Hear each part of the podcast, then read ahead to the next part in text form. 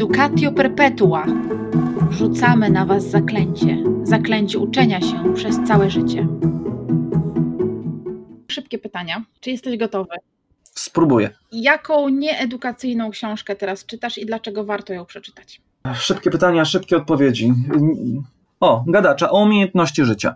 Mhm. Dlaczego warto ją przeczytać? Bo uczy umiejętności życia. to znaczy, jest wiele odpowiedzi nieoczywistych na kilka tak zwanych oczywistych pytań. O sens życia, o szczęście. To, co wydaje nam się zawsze takie banalne i błahe i, i że my to już wszystko wiemy, gadacz ustawia w nieco innym świetle i to jest takie światło, które pomaga. Bardzo podobna książka Jacka Filka, mało znany autor, filozof Jacek Filek o etyce. Y, zbiór takich esejów o etyce. Dokładnie tytułu teraz nie podam, ale to są rewelacyjne, bardziej może nawet felietony, czy eseje felietony, które w anegdotyczny wręcz sposób poruszają te najtrudniejsze tematy w życiu. Mhm. Stosujesz jakieś narzędzia cyfrowe w swoim uczeniu? Tak, ale z bólem i średnio mi to wychodzi. Korzystam z Zooma, no właśnie z Facebooka. Okej. Okay. Gdzie najczęściej szukasz inspiracji? W bibliotece, na własnej półce, w niektórych czasopismach, które mi pomagają. Jakichś konkretnych polecisz? No, chociażby Tygodnik Powszechny. Tygodnik Powszechny cały czas ma niezłe teksty o literaturze. Kronos jest takim dobrym pismem. Te pisma, które uczą myślenia, prawda? Horyzonty. Na co starasz się zawsze mieć czas? No, odpoczynek. Coraz bardziej. Na intensywny odpoczynek, którego się dopiero uczę. Żeby to nie była strata czasu, i zabijanie czasu, ale taki odpoczynek, z którego wyjdę trochę silniejszy. Także na modlitwę, taką sensowną, nie, nie, nie jakąś tam dewocyjną, tylko taką, gdzie po prostu faktycznie mam czas na przemodlenie pewnych rzeczy. Nie? Mhm. O czym chciałbyś się dowiedzieć więcej? Ło, o wszystkim, o Boże. Y, szczególnie pasjonuje mnie historia jako tło literatury, jeżeli mówimy już o literaturze. Y, mówiliśmy o tej dydaktyce. No tutaj nie ukrywam, że y, z zazdrością przyglądam się właśnie Belfrom, Super Belfrom, różnym osobom, które bawią się w rzeczy techniczne, jak wykorzystują te nowoczesne narzędzia. Gdybym miał czas, oczywiście i te rzeczy. Y, to, co jest związane z edukacją medialną, te wszystkie tematy są pasjonujące. Najnowsze narzędzia, które pomagają się skontaktować z osobami, do których często nie mam dostępu.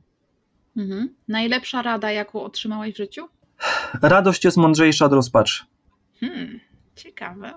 To jest bardzo mocne zdanie. Mógłbym o tym mówić godzinami, jak bardzo, zresztą często rozmawiamy ze studentami, jak bardzo trzymamy się rozpaczy jako pewnej formy mądrości. Jak ludzie lubią nad sobą rozpaczać i są przekonani, że są przez to jakoś lepsi.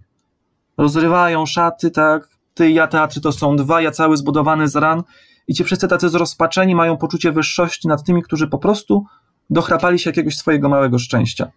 Ale to się trochę wią wiąże z naszą polską martyrologią i takim postrzeganiem y, nas jako, jako zbawiciela świata w ogóle.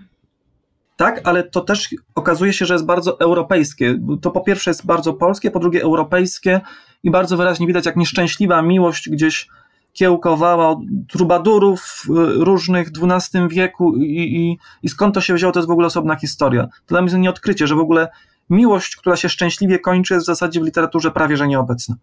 Hmm. Wysokiej, dobrej literaturze, mądrej. Mhm. Gdybyś nie był nauczycielem, to kim byś był? Przedszkolanką. nie, żartuję, oczywiście.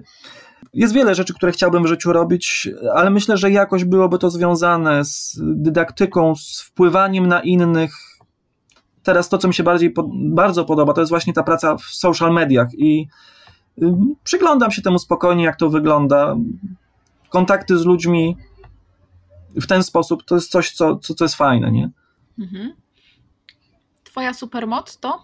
Hmm. Jestem elastyczny. Wydaje mi się, że jak na faceta po czterdziestce, gdzie zwykle się tetryczeje, jeżeli chodzi o mój sposób myślenia, cały czas jestem elastyczny i otwarty. Super. Dziękuję bardzo, Leszku. To była przemiła rozmowa.